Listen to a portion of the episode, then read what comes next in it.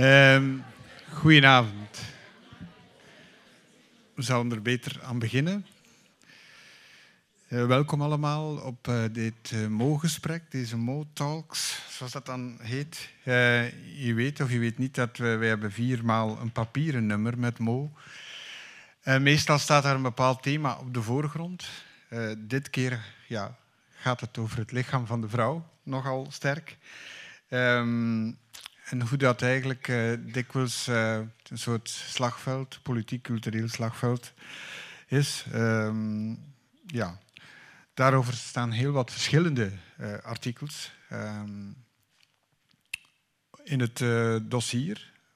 En um, we hadden gedacht dan natuurlijk om, om daar ook vanavond een gesprek over te organiseren. Niet toevallig op de Internationale Vrouwendag. Hè. Dat valt dan mooi samen. Um, ik ga niet te veel vooraf zeggen, want we hebben natuurlijk drie gasten die allemaal een korte lezing zullen brengen. Dan spreken wij met elkaar vooraan en is er natuurlijk ook ruimte voor jullie om vragen te stellen. Um, goed, mensen definiëren zichzelf, denk ik, makkelijk door hoe ze hun lichaam. Oh, daar gebeurt iets. hoe ze hun lichaam tonen. Hè. Um, daarmee kunnen ze vertellen voor een stuk bij welke groep ze horen. Hè. En die groep kan dan op zijn manier ook uh, laten weten aan die leden dat ze zich ja, op die manier moeten tonen. Hè. Er zijn dikwijls ook machtsverhoudingen in zo'n groepen. Dikwijls hebben mannen daar meer macht dan vrouwen. Waardoor dat het lichaam van een vrouw en hoe het vertoond wordt dikwijls nogal ja, uh, ja, van buitenaf sterk gedefinieerd wordt ook.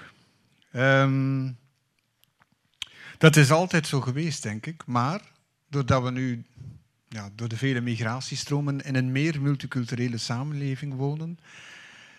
Um, en die samenleving dan interageert met geopolitieke en regionale conflicten, denk ik dat, dat ja, discussies over vrouwen, lichamen van vrouwen, hoe ze zich uh, moeten vertonen, scherper zijn dan vroeger. Hè. En, en dat is eigenlijk de reden ook waarom dat dat dossier eigenlijk boven kwam drijven bij ons en dat we als redactie gezegd hebben, we gaan daar eens wat dieper naar kijken. Dat is ook de reden waarom we hier staan. De reden waarom dat ik hier sta, is eigenlijk uh, dat Samira Bendadi, dat is een dame, uh, normaal zou die het gesprek hier geleid hebben, maar zij moest naar Marokko en dan heeft ze gevraagd of dat ik dat wilde doen. Ik heb dan eerst gezegd, ja, is dat wel gepast dat een man dat doet? Um, maar dan hebben de andere dames op de redactie gezegd, ja, er zijn niet echt vrouwelijke of mannelijke thema's, dus je kan dat gerust doen. Dus ik heb al een paar keer die vraag gehad. Om ze te voorkomen, beantwoord ik meteen de vraag. Dus de reden waarom dat ik hier sta. Uh, goed. Onze eerste gast komt uit Nederland. Dat is ook een man, uh, maar dan komen er twee vrouwen. Uh, Michiel Lezenberg. Uh, we beginnen met hem omdat hij eigenlijk iets meer afstand neemt, een kort historisch uh, overzicht geeft.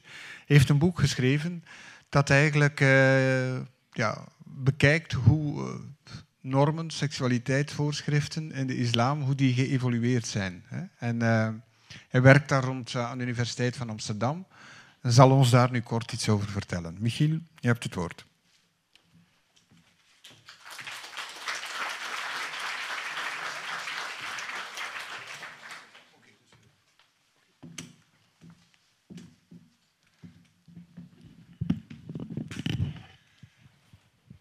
Is dit goed zo? Dat is of heb je liever Bedankt. een telefoon? Want...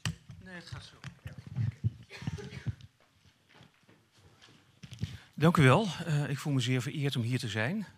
Uh, ik zit hier ook uh, ja, uh, om schaamteloos mijn eigen boek te promoten, dus koopt u het vooral. um, wat, u, wat er vanavond ontbreekt, dat valt daar allemaal in te vinden. Maar ja, ik, ik, ik voel me niet de persoon om hier allemaal meningen te gaan verkondigen en te zeggen hoe het allemaal volgens mij hoort en moet. Um, ik probeer alleen een paar achtergronden te schetsen voor de discussie die zich straks kan uh, ontspinnen. Um, ik wou beginnen met een beeld wat u allemaal wel kent van vorig jaar. Het beeld van de Olympische Zomerspelen. Um, met name het beeld van het beachvolleybal. Een beroemd beeld van het Egyptische team tegen het Braziliaanse team. de vrouwenteams natuurlijk. De Egyptische speelsters waren duidelijk van hoofddoek voorzien, geheel gekleed, benen waren ook niet zichtbaar. Terwijl de Braziliaanse dames in bikinis stonden. Oppervlakkig gezien lijkt dat het beeld te bevestigen wat in de media voortdurend wordt geproduceerd. Moslimvrouwen zijn onderdrukt, terwijl westerse vrouwen, waar dan blijkbaar ook Braziliaanse vrouwen onder vallen, die zijn vrij om hun lichaam te tonen. En dat is natuurlijk een beeld wat heel veel in de media herhaald wordt. Maar wat natuurlijk ontbrak aan deze tegenstelling, is de vraag voor wie worden deze beelden precies getoond. En in de discussie was heel duidelijk dat hier een mannelijke blik achter zat, die voor zichzelf de vrijheid opeiste om te kunnen genieten van vrouwenlichamen. En moslimvrouwenlichamen zeggen door deze kleding dat gaat niet gebeuren. En ik denk dat daar een belangrijk aspect zichtbaar wordt door de vraag te stellen: wie is degene die hier kijkt en wie is degene wiens blik onzichtbaar wordt gemaakt door zulke beelden? Ik denk dat we op die manier ook wel uh, onze zelfgenoegzame verhalen dat wij in Nederland en België volledig geëmancipeerd zijn, volledig vrij en gelijk, dat we daar enige nuances moeten aanbrengen. Om een paar voorbeelden uit Nederland uh, te introduceren die voor u niet heel exotisch zullen klinken, vrees ik. We hadden eergisteren een uh, debat van de belangrijkste partij, partijen voor de naderende verkiezingen. Alle lijsttrekkers waren mannen. Nou, dat is nog relatief simpel, maar er is ook één partij met een vrouwelijke lijsttrekker tegenwoordig. Of twee zelfs, maar de beroemde partij van uh, Sylvana Simons. Uh, artikel 1, artikel 1 van de grondwet, namelijk de gelijkheid voor de wet. Ik weet niet wie van u Sylvana Simons kent, maar het is een vrouw van Antilliaanse of Surinaamse achtergrond. Zwart, zoals het in Nederland nog heet. En het is een vrouw die opeens als vrouw en als persoon met deze migrantenachtergrond in het openbaar zegt: er is sprake van discriminatie, er is sprake van ongelijkheid. U wilt niet weten wat voor verbale bagger deze mevrouw over zich heeft heen heeft gekregen vanwege het feit dat zij als zwarte vrouw in het publiek eisen begon te stellen. Een ander geval, nog beruchter en nog pijnlijker. Uh, wellicht kent u een andere Nederlandse vrouw genaamd Patricia Pai. Wie van u kent haar nog? Oké. Uh, ja, het zal hier ook wat doorgedrongen zijn, dat afschuwelijke verhaal. Er is onlangs een, uh, een zogeheten seksvideo van deze mevrouw, die in de privésfeer was opgenomen, in de openbaarheid gebracht en door een aantal kanalen verlekkerd vertoond. De discussie erover ging voornamelijk over de vraag van ja, ze heeft het eigenlijk over zichzelf afgeroepen doordat ze altijd zo in de aandacht wil te komen of de extreme versie. Ze is zo'n aandachtshoer, dit verdient ze. Um, interessante paradox een vrouw die haar seksualiteit duidelijk laat zien, die wordt terechtgewezen juist vanwege die seksualiteit. Ook als ze ongewenst door een ernstige schending van de privacy daarmee geconfronteerd wordt. Dus voor zover vrouwen in Nederland seksuele vrijheid hebben, kan die op elk moment gebruikt worden voor wat zo mooi of zo niet zo mooi slut-shaming heet. En om daar een, een stukje gender bij te brengen, u weet allemaal dat vorig jaar David Bowie is overleden. In de media zaten allerlei panels met oudere mannen te praten over hoe bevrijdend de seksualiteit van David Bowie wel niet geweest was. Op een gegeven moment begon Patricia Pai ook bij zo'n discussie aan te schuiven. Zij kende Bowie persoonlijk, of zij had hem persoonlijk gekend. Had volgens de legende ook een keer een relatie met hem gehad. Maar deze overduidelijke ervaringsdeskundige werd inmiddellijk in de discussie en zelfs door mannelijke panelleden weggezet als een of andere snol die daar niks te zoeken had. Wat er heel duidelijk die asymmetrie aangeeft die nog steeds in het geding is. Dus dat maakt heel duidelijk dat ook bevrijding niet simpelweg bevrijding is waar vrouwen en mannen kunnen zeggen wat ze willen, kunnen doen met hun lichaam wat ze willen. Met name vrouwen worden om de havenklap beoordeeld op hun lichamen. Maar goed, ik word geacht om het hier vooral over de islam te hebben, dus ik zal het daar kort ook over hebben. Um, het geval van de islam, maar ook de voorbeelden die ik net besprak, die maken duidelijk dat er niet simpelweg sprake is van vooruitgang. En ten aanzien van de islam is er, en dat heb ik in mijn boek gaandeweg tijdens het schrijven steeds duidelijker ontdekt, De islam is niet eeuwig en altijd dezelfde religie geweest, met eeuwig en altijd dezelfde normen en praktijken ten, aanzicht, ten aanzien van lichamelijkheid, ten aanzien van seksualiteit. Dat begint op een simpel niveau. De beelden die over en weer tussen moslims en niet-moslimse Europeanen bestaan, op dit moment zijn heel duidelijk. Niet-moslims hebben het idee, de islam is een seksueel buitengewoon repressieve religie. Het is een agressieve religie die het vrouwelijke, die homo's onderdrukt, die gewelddadig is. Kortom, een mannelijke of machismo-religie in alle slechte zin van het woord. Het zal u wellicht verbazen dat nauwelijks 100 jaar geleden het stereotype in Europa over de islam precies het tegenovergestelde was van dit beeld. En als u me niet gelooft, kunt u niets beters doen dan nog een keertje die beroemde roman van Louis Couperus te lezen, De Stille Kracht. Wie, wie heeft hem al eens gelezen? We zitten hier niet in Nederland waar het verplichte schoollectuur is. Nou, een paar gelukkige zielen.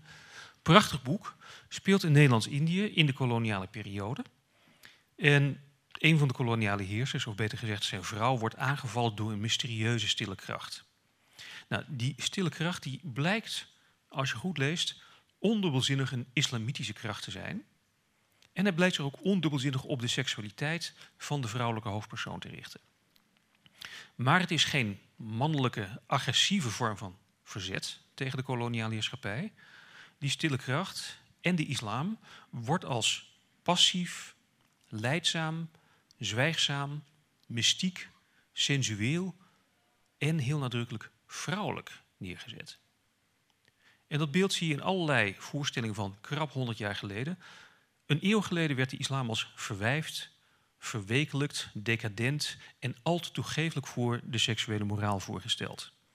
Opmerkelijk dat die voorstellingen en tegenstellingen zo radicaal in hun tegendeel kunnen omslaan.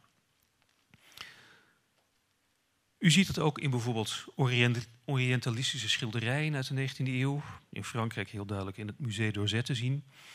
Eén figuur die daar heel interessant voortdurend tevoorschijn komt, die is, dat is de figuur van de vrouwelijke blanke slavin. Een obsessie, en er zal historisch absoluut een praktijk zijn geweest waarin mannelijke en vrouwelijke Europeanen tot slaven werden gemaakt, met name de, de zogeheten barbarijse kusten in Noord-Afrika. Maar in de 19e eeuw was er al geen sprake meer van. In de 19e eeuw werd natuurlijk die islamitische wereld door West-Europeanen overheerst. Dus wat drukken die schilderijen van blanke slavinnen uit? Enerzijds natuurlijk de angst van blanke mannen dat donkere mannen hun blanke vrouwen tot slaaf maken en seksueel bezitten. Maar tegelijkertijd drukken die schilderijen natuurlijk ook een angst voor vrouwelijke seksualiteit uit. Dus ze hebben alles te maken met koloniale overheersing, maar ook met de 19e eeuwse, noem het burgerlijke dwang of wens van mannen om de vrouw te temmen of te domesticeren tot een puur huiselijk en seksloos wezen te herleiden. Wat zulke voorstellingen duidelijk maken is dat seksualiteit altijd met vormen van macht, van macht samenhangt. Niet zozeer met staatsmacht, maar met diverse vormen van overheersing. Omgekeerd kun je wellicht ook zeggen dat macht, of dat nou politieke macht is of koloniale macht, vrijwel altijd een zichtbare seksuele dimensie heeft. En het is de moeite waard om die expliciet te maken om te laten zien wat er allemaal op het spel staat. Maar niet alleen de beelden ten aanzien van de islam zijn heel sterk veranderd. Ook in de islamitische wereld zelf zijn heel duidelijk nieuwe ideeën en nieuwe praktijken ontstaan. Ik zal er maar een paar noemen, want ik heb maar tien minuten de tijd om nu te beginnen. Opmerkelijk wellicht is het feit dat de zorg onder moslims om vrouwen gesluierd te houden van een veel recentere oorsprong is dan u zou verwachten. We zijn geneigd te denken dat is een eeuwenoud voorschrift dat al in de Koran te vinden valt en eeuwenlang is gehandhaafd. Maar wie de moeite na neemt om in de Koran te kijken, ziet dat daar een paar hele, hele vage opmerkingen staan. Waarvan niet eens duidelijk is of ze überhaupt over mannen of over vrouwen gaan. En waar je eigenlijk alle kanten mee op kunt. De allereerste verhandelingen, de allereerste boeken over voorschriften voor vrouwelijke kledij dateren van rond 1900. En interessant genoeg dateren die geschriften ook uit kringen van wat doorgaans islamitische modernisten wordt genoemd. daar gebeurt iets heel bijzonders.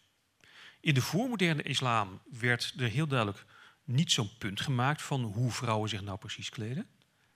Met name vrouwen uit de lagere klasse, dus de stadse arbeiders of de stadse lagere klasse en de, de boeren en boerinnen op het platteland.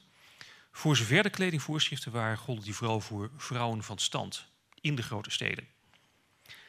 Opeens zie je aan het eind van de 19e eeuw een veel strikter idee dat alle vrouwen zich zus of zo moeten kleden.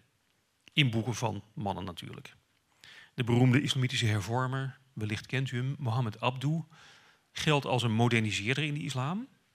Maar hij is de co-auteur van één zo'n geschrift dat juist veel strikter zegt hoe vrouwen zich horen te kleden.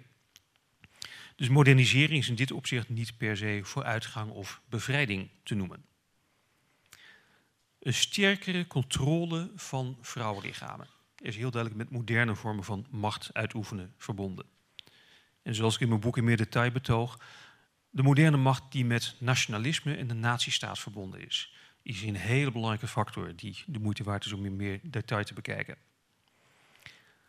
In de voormoderne tijd, en dat zal u ook wellicht verbazen, werd er, gezondheid, werd er überhaupt niet zo'n enorm onderscheid gemaakt tussen mannelijke en vrouwelijke schoonheid. Het zal u wellicht bekend zijn, ik hoop het tenminste wel, dat in de klassieke islamitische literatuur een enorme traditie bestaat van homoerotische poëzie. Waarin een mannelijke, oudere dichter zijn liefde voor een schone, baardeloze knape zingt. Voor zover het niet bekend is, is het een heel belangrijk verschijnsel, omdat het ook toont dat wat wij vandaag de dag homoseksualiteit noemen, in de islamitische middeleeuwen domweg niet bestond. Het verlangen naar iemand van hetzelfde geslacht, dat werd als een totaal onproblematisch natuurgegeven aanvaard. Het verrichten van seksuele handeling met een andere man, dat was in theorie strafbaar, maar in de praktijk werd dat zo vergaand getolereerd dat Europese reizigers de schande van spraken hoe openlijk mannen met hun minnaars over straat liepen. Maar goed, in deze klassieke poëzie vind je een beschrijving van jeugdige mannelijke schoonheid, die in precies dezelfde termen is geformuleerd als de schoonheid van jonge vrouwen. Een tache de beauté op de wang, een haarlok die over een slaap valt, de wenkbrauwen als halve manen. Het zijn precies dezelfde termen voor mannelijke en vrouwelijke lichamen. Dus zelfs het onderscheid tussen mannelijke en vrouwelijke lichamen, dat wordt in de voormoderne periode niet zo strikt gemaakt. Nog aardiger wordt het als men ziet wat er ten aanzien van homoseksuele verlangens en praktijken tussen vrouwen is geschreven. Daarop lag niet zo'n taboe als in christelijk Europa. Integendeel, de juridische redenering was: illegitieme seksualiteit betreft altijd contact tussen een man en een vrouw die niet met elkaar getrouwd zijn, waar een zekere vorm van penetratie aan te pas komt. De details eh, laat ik achterwege. Seksualiteit tussen vrouwen, daarom komt volgens deze juristen per definitie geen penetratie te pas. Dus is dit gedrag in juridisch opzicht domweg neutraal te noemen. En niet alleen werd het gedrag juridisch neutraal beoordeeld en niet als een strafbare zonde. In moreel opzicht werden lesbische stellen aan heteroseksuele koppels ten voorbeeld gesteld als toonbeeld van loyaliteit die zelfs de dood te boven gaat. Er zijn diverse van dit soort gevallen te vinden. En de gemakkelijke conclusie is te zeggen dat vroeger alles beter was. Nou ja, misschien was dat ook wel zo, maar dat is niet mijn punt. Wat hier heel duidelijk uit blijkt, is dat de islam, en dit punt valt voor elke traditie te maken, niet altijd is geweest wat er nu van wordt gemaakt. Dus wanneer mensen zich op een tijdloze traditie beroepen, dan blijkt dat die traditie domweg niet kennen. In die traditie is altijd veel meer speelruimte geweest voor variatie en voor vrijheidspraktijken.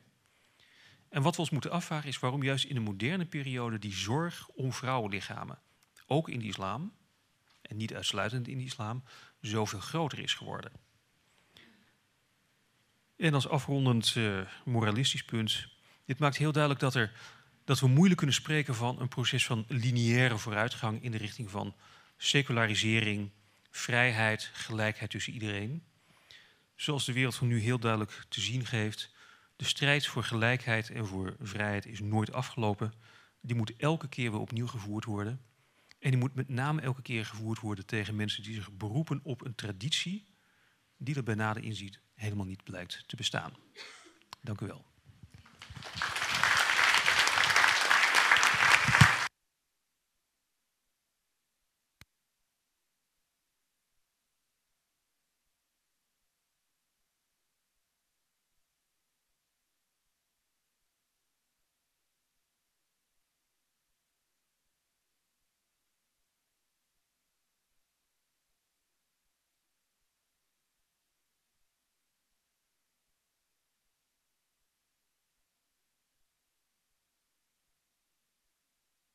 Oké. Dankjewel, Michiel. Uh, dan zou ik nu graag Anissa Doudou naar voren roepen. Uh, zij is uh, masterstudente in de politieke wetenschappen en medewerker, merkster van Muslim, een online community die creativiteit, zelfontplooiing en ondernemerschap bij moslims aanmoedigt. En moslims uit de hele wereld met elkaar in contact brengt. Anissa zal het hebben over ja, het feit en de stelling verdedigen dat vrouwen echt zelf kunnen beslissen hoe ze zich in de openbare ruimte willen vertonen. Anissa, je hebt het woord.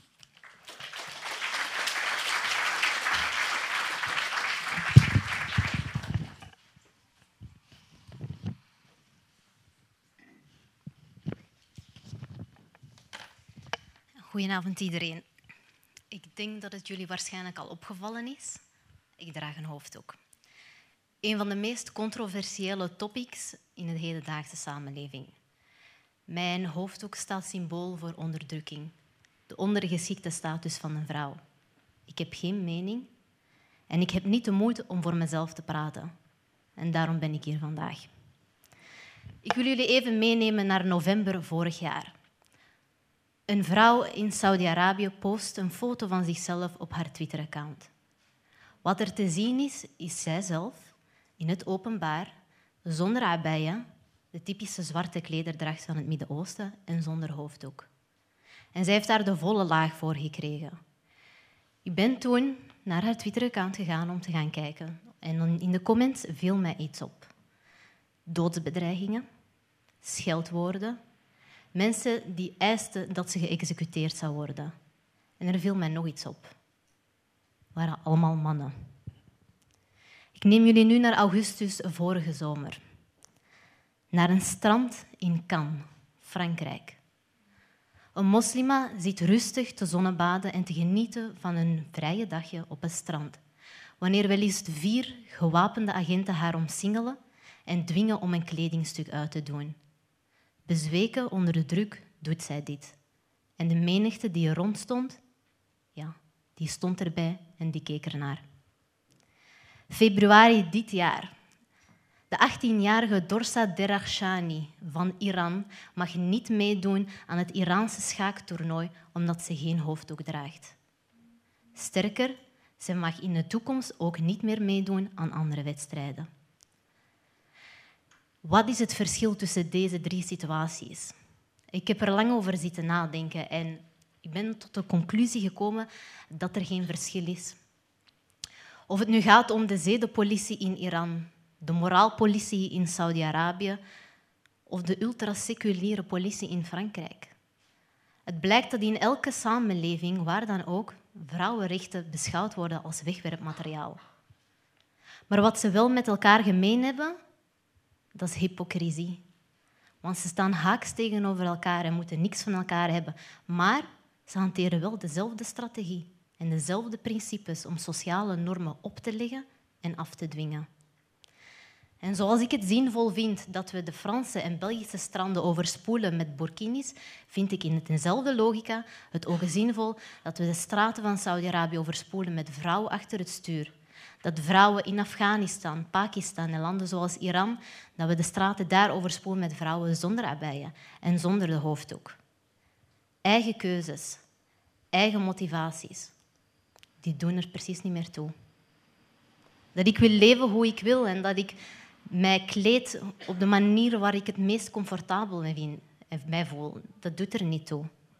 Wij worden gezien als een collectief, niet als individuen.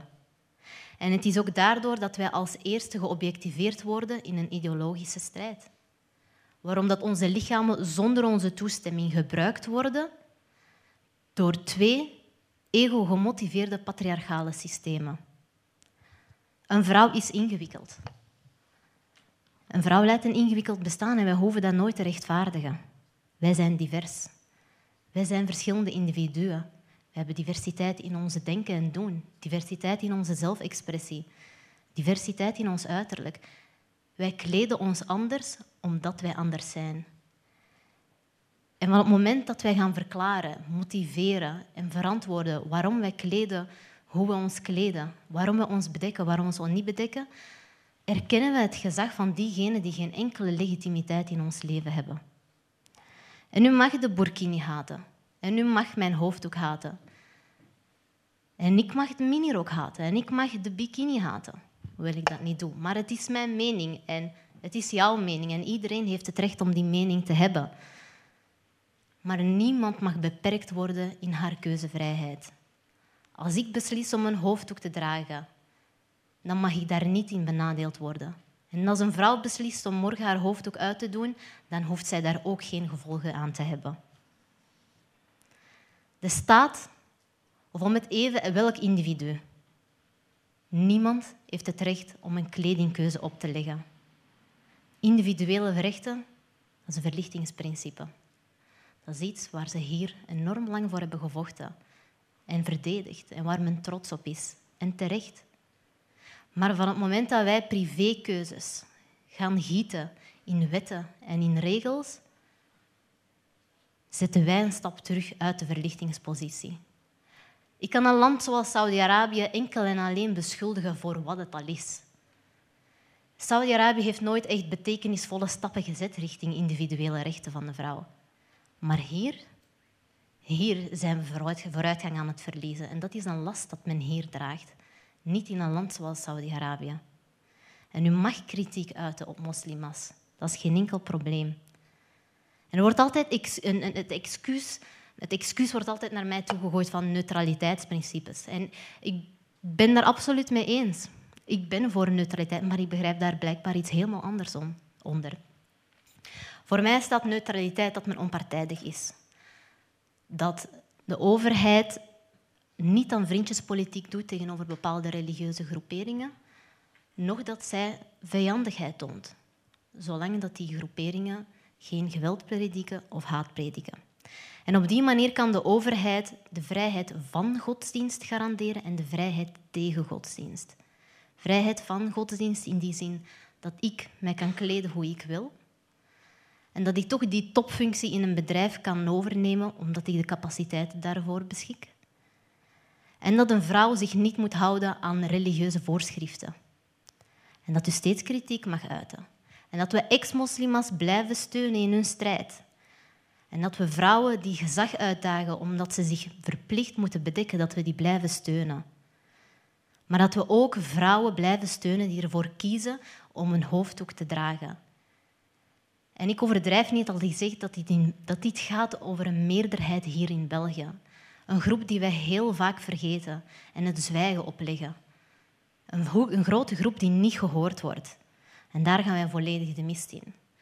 En ik denk dan meteen aan een artikel dat ik niet lang geleden gelezen heb met Olga Leijers. En ik citeer. Als ik moslims zie, denk ik vaak... Allee, laat mij u dan toch bevrijden.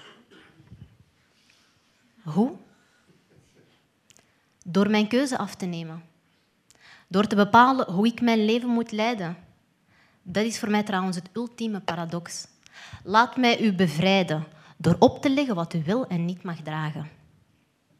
Ik ben geen liefdadigheid en ik moet niet gered worden. Ik ben autonoom, vrij en capabel genoeg om mijn eigen keuzes te maken. En ik heb scheid aan zulke feit, schijn, schijnfeministen. Wat dit is, is pure pseudofeminisme. Feminisme is voor mij dat als vrouw je andere vrouwen steunt wanneer zij persoonlijke keuzes maken. En dat je haar niet in discrediet brengt omdat jij het anders ziet. Omdat jij een andere mening hebt. Omdat jij een andere visie hebt. Daarom ben ik absoluut een voorstander van intersectioneel feminisme. Als feminist pleit je voor rechten en voor de gelijkheid tussen de seksen. Intersectioneel feminisme die gaat nog een stapje verder. Intersectioneel feminisme heeft ook begrip van hoe de vrouwen en hun overlappende identiteiten een specifieke invloed hebben op de manier en de mate waarin dat zij discriminatie en onderdrukking eh, ervaren. Dat betekent dat men kijkt naar ras, klasse, etniciteit, huidskleur, seksuele geaardheid. Al die dingen hebben een bepaalde invloed. En tot nu toe hebben we altijd één soort modelvoorbeeld gehad van wat feminisme is. En dat is het, meer, het meest westers feminisme. Een set van overtuigingen en kwesties die enkel en alleen specifiek invloed hebben op de typische westerse blanke vrouw uit de middenklasse. Een one-size-fits-all feminisme, waar al de rest naartoe moet werken. En daardoor sluit je een enorme grote groep vrouwen uit. Intersectionaliteit eist dat we bewust naar onszelf kijken. En dat we leren over kwesties en identiteiten die ons niet persoonlijk beïnvloeden. Een inspanning leveren om te voorkomen dat we feminisme niet centreren rondom mensen van privilege. Want het is niet jouw struggle. Dus je kan mij niet vertellen hoe ik ermee moet omgaan. En het kan soms geen kwaad om even een stap achteruit te zetten wanneer de dingen niet over jou gaan. En te wachten en te luisteren naar mensen en te luisteren en aandacht besteden naar hun ervaringen en dan pas een mening te vormen. Ik ben een vrouw, ik ben een moslima, ik draag een hoofddoek. Ik draag bij aan de maatschappij en ik geniet van een opleiding. Ik ben vrij en ik maak mijn eigen keuzes. En zoals u ziet heb ik ook mijn eigen meningen. En ja, ik ben ook een feministe. En wordt het niet eens tijd dat we anno 2017 vrouwen het vertrouwen gaven om zelf hun beslissingen te maken? Dank u wel.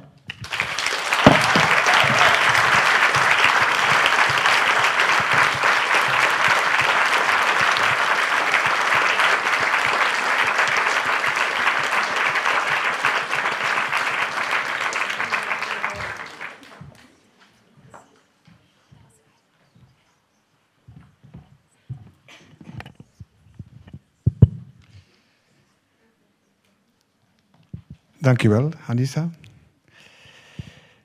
En dan gaan we nu naar Bieke Purnel.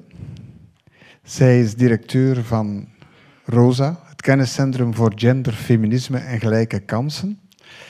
Zij is ook columnist bij Mo. Is ook een tijdje hoofdredacteur geweest van De Wereldmorgen. Woont in Gent. ja, oké. Net als ik. En, uh, goed. Haar stelling is: het vrouwenlichaam ligt anno 2017 opnieuw onder politiek vuur. Ja, zo staat het hier op mijn papiertje. Oké, Wieke, je mag dus hier blijven staan ook. Ja, voilà.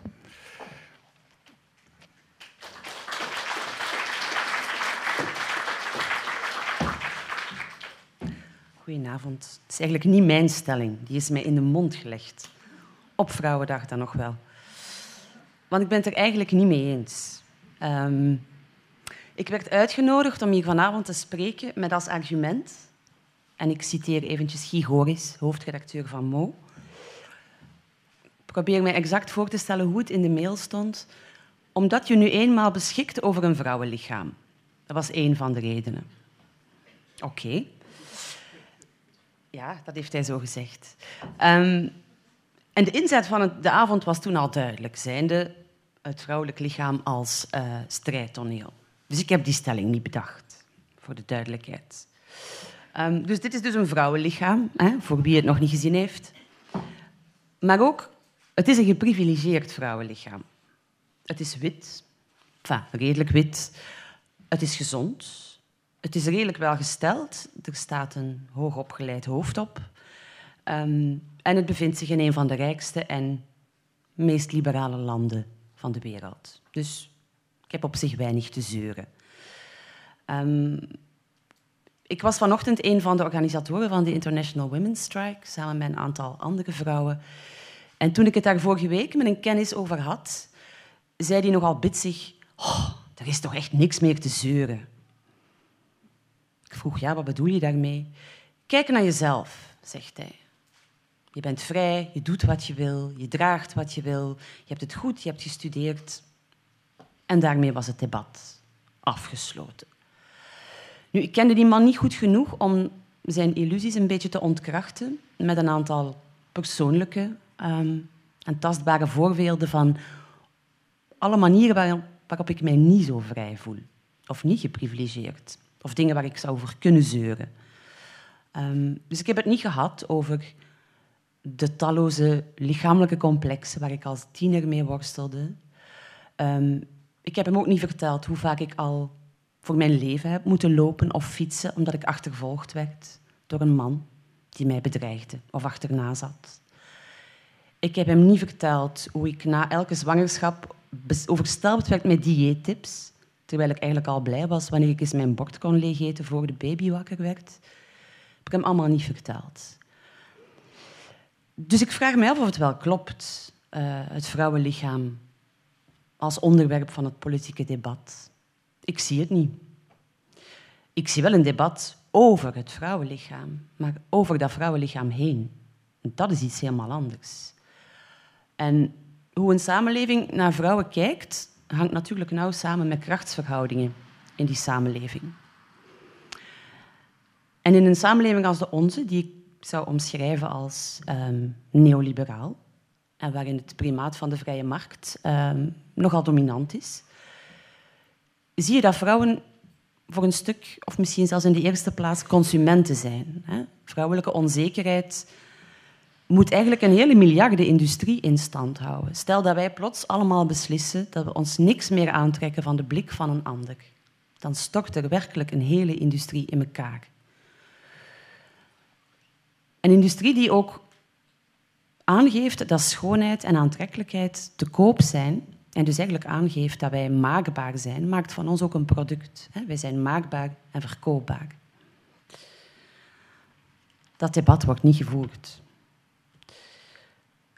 Anderzijds zie je dat in streng religieuze samenlevingen, of dat nu joods-orthodoxe of uh, islamitische of oer-katholieke samenlevingen zijn, kijkt men naar vrouwen met een heel paternalistische, uh, monotheïstische bril. De man is de maat der dingen en de vrouw onderwerpt zich. Kort gesteld. Daarover debatteren we wel, maar ook weer niet echt. We debatteren daarover als het ons uitkomt. Dat is interessant. Eigenlijk worden vrouwenrechten, gelijkheid en het lichaam van vrouwen gebruikt als alibi, als bliksemafleider voor iets anders, voor een ander debat. Een ideologisch debat dat gaat over xenofobie, dat gaat over een afkeer van alles wat naar migratie ruikt. Um, dat is geen debat over ons, of over mijn fysieke integriteit. Ik vind het soms wel ontroerend hoe uh, oude blanke mannen zich plots opwerpen als behoeder van mijn veiligheid en fysieke integriteit, om vervolgens tien minuten later hun hand op mijn billen te leggen. Dat is echt heel ontroerend. Nu, in die eerste soort samenleving, die liberale, lijken vrouwen vrij. Hè? Wij zijn vrije vrouwen. In die andere soort samenleving, die religieuze samenleving, lijken ze dat niet. Hè? Daar lijken ze willoos onderdrukt. Het probleem is, in allebei zie je buitensporig veel seksueel geweld op vrouwen. De context verschilt, eh, de manier waarop, maar de cijfers zijn niet zo verschillend. En ik focus mezelf meestal op de overeenkomsten in plaats van de verschillen. Die zijn vaak veel interessanter. Eigenlijk duidt dat op iets heel simpels. Misprijzen voor vrouwen en het schenden van de rechten van vrouwen hebben helemaal niks te maken met religie of met een bepaalde politieke kleur. Die zijn eigenlijk vrij universeel. En wanneer het gaat om verkrachting en aanranding van vrouwen hier, door een autochtone medemens, vaak een man van standing, dan reageren we daar heel krampachtig en een beetje flauwtjes op. Er wordt dan gevraagd, wat had je aan? Had je niet te veel gedronken? Heb je hem niet uitgedaagd? Vrouwen worden niet ernstig genomen en mannen worden vaak beschermd. Gewoon om even mee te geven, ehm, per 100 aangegeven gevallen van verkrachting in dit land worden er effectief vier daders veroordeeld.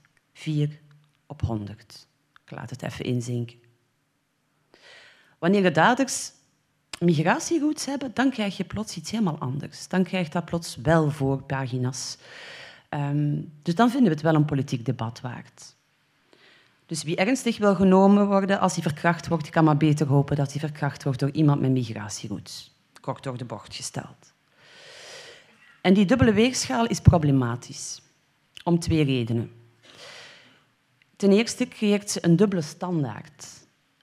Wat van de ene gedoogd wordt, of zelfs geminimaliseerd wordt, daar wordt de andere genadeloos op afgerekend. Terwijl een samenleving die gelijkheid voorop stelt, die verdraagt geen dubbele standaarden. Ten tweede stigmatiseert ze een hele grote groep mensen die gewoon onschuldig zijn, die niks misdoen. En ten derde, en dat is minstens even problematisch, ze neemt de aandacht weg van de kern van de zaak. Namelijk dat misprijzen tegen vrouwen en seksueel geweld op vrouwen universeel zijn. Het heeft geen vlag nodig, het zit overal. Westerse vrouwen zijn dus zogenaamd vrij. Hè? Vrij om hun lichaam te tonen of te bedekken. We hadden het er al over. En de voorkeur lijkt bij ons nogal eens uit te gaan naar het tonen. Hè? Hoe naakter, hoe vrijer, zo gezegd. Behalve. Behalve als je niet de ideale maten hebt.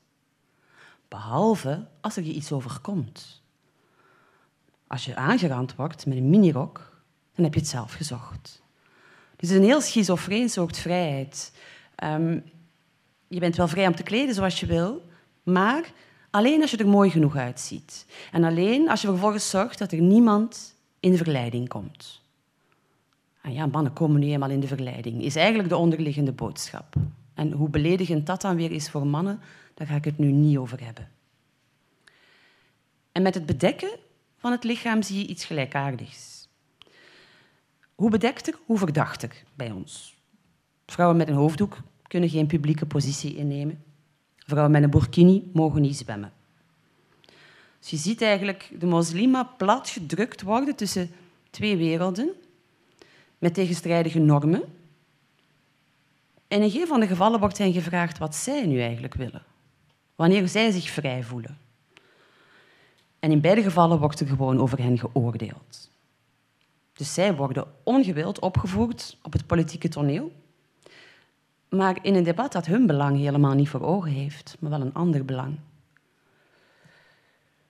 En vervolgens krijg je wetten die hun vrijheid moeten gaan beknotten om hen te bevrijden.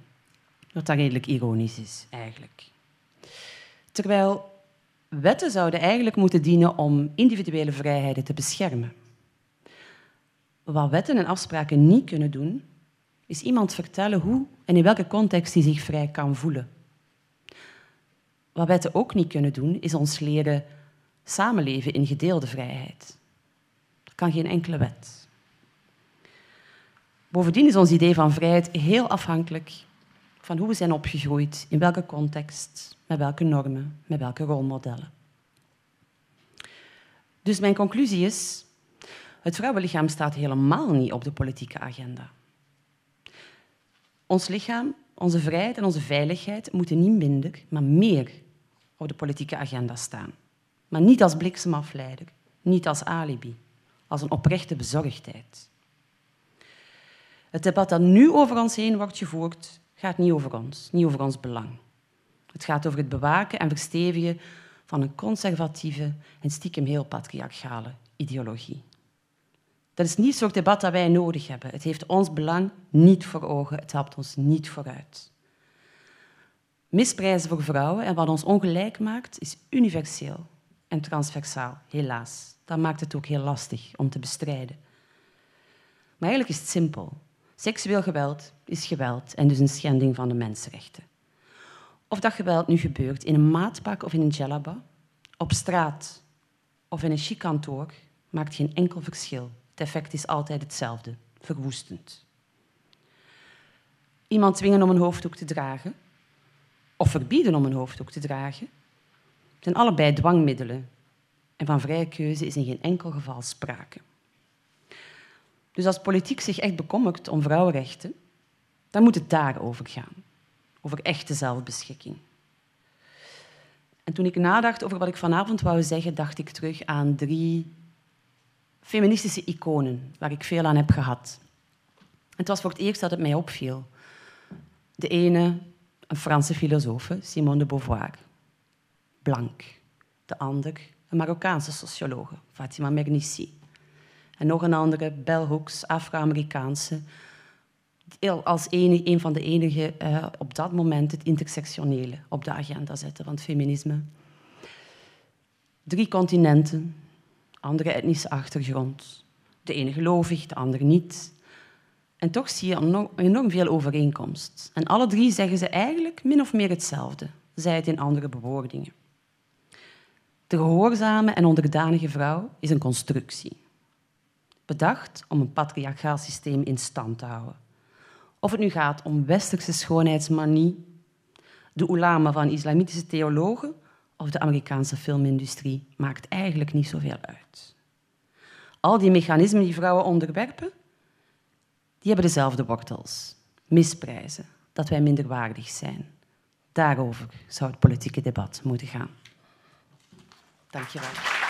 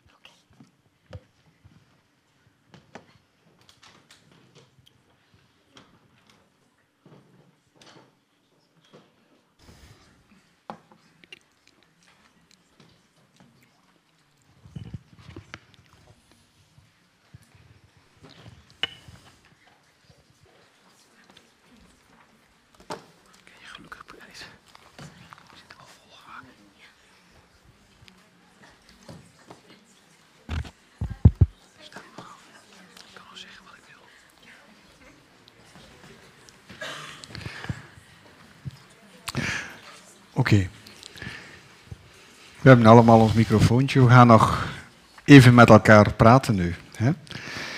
Ik, zou willen beginnen met uh, het einde van daarnet. Als ik jou goed beluister, Bieke. Je zegt, ja, vrouwenonderdrukking is universeel. Uh, heb je dan het gevoel dat er ja, Ten eerste weet ik niet of dat, dat klopt. Hè. Ik ken niet alle samenlevingen. Eh, maar dat er geen vooruitgang geboekt is of te boeken is, of, of uh, dat er geen verschil is tussen Saoedi-Arabië en, en hier, of hoe, hoe, bedoel je dat juist? Ja. Natuurlijk is er vooruitgang geboekt. Anders zat ik hier nu niet, bijvoorbeeld. Ja. Um, anders hadden wij geen stemrecht, anders mocht ik... Ik bedoel, tuurlijk wel. Ja. Maar het is niet omdat die vooruitgang geboekt is, dat al die rechten, waarvoor we trouwens moeten strijden hebben, dat lijkt vaak vergeten te zijn, dat die voor eens en altijd verworven zijn. Het is heel makkelijk om dat terug te draaien. En ik denk dat veel vrouwen dat vandaag wel voelen.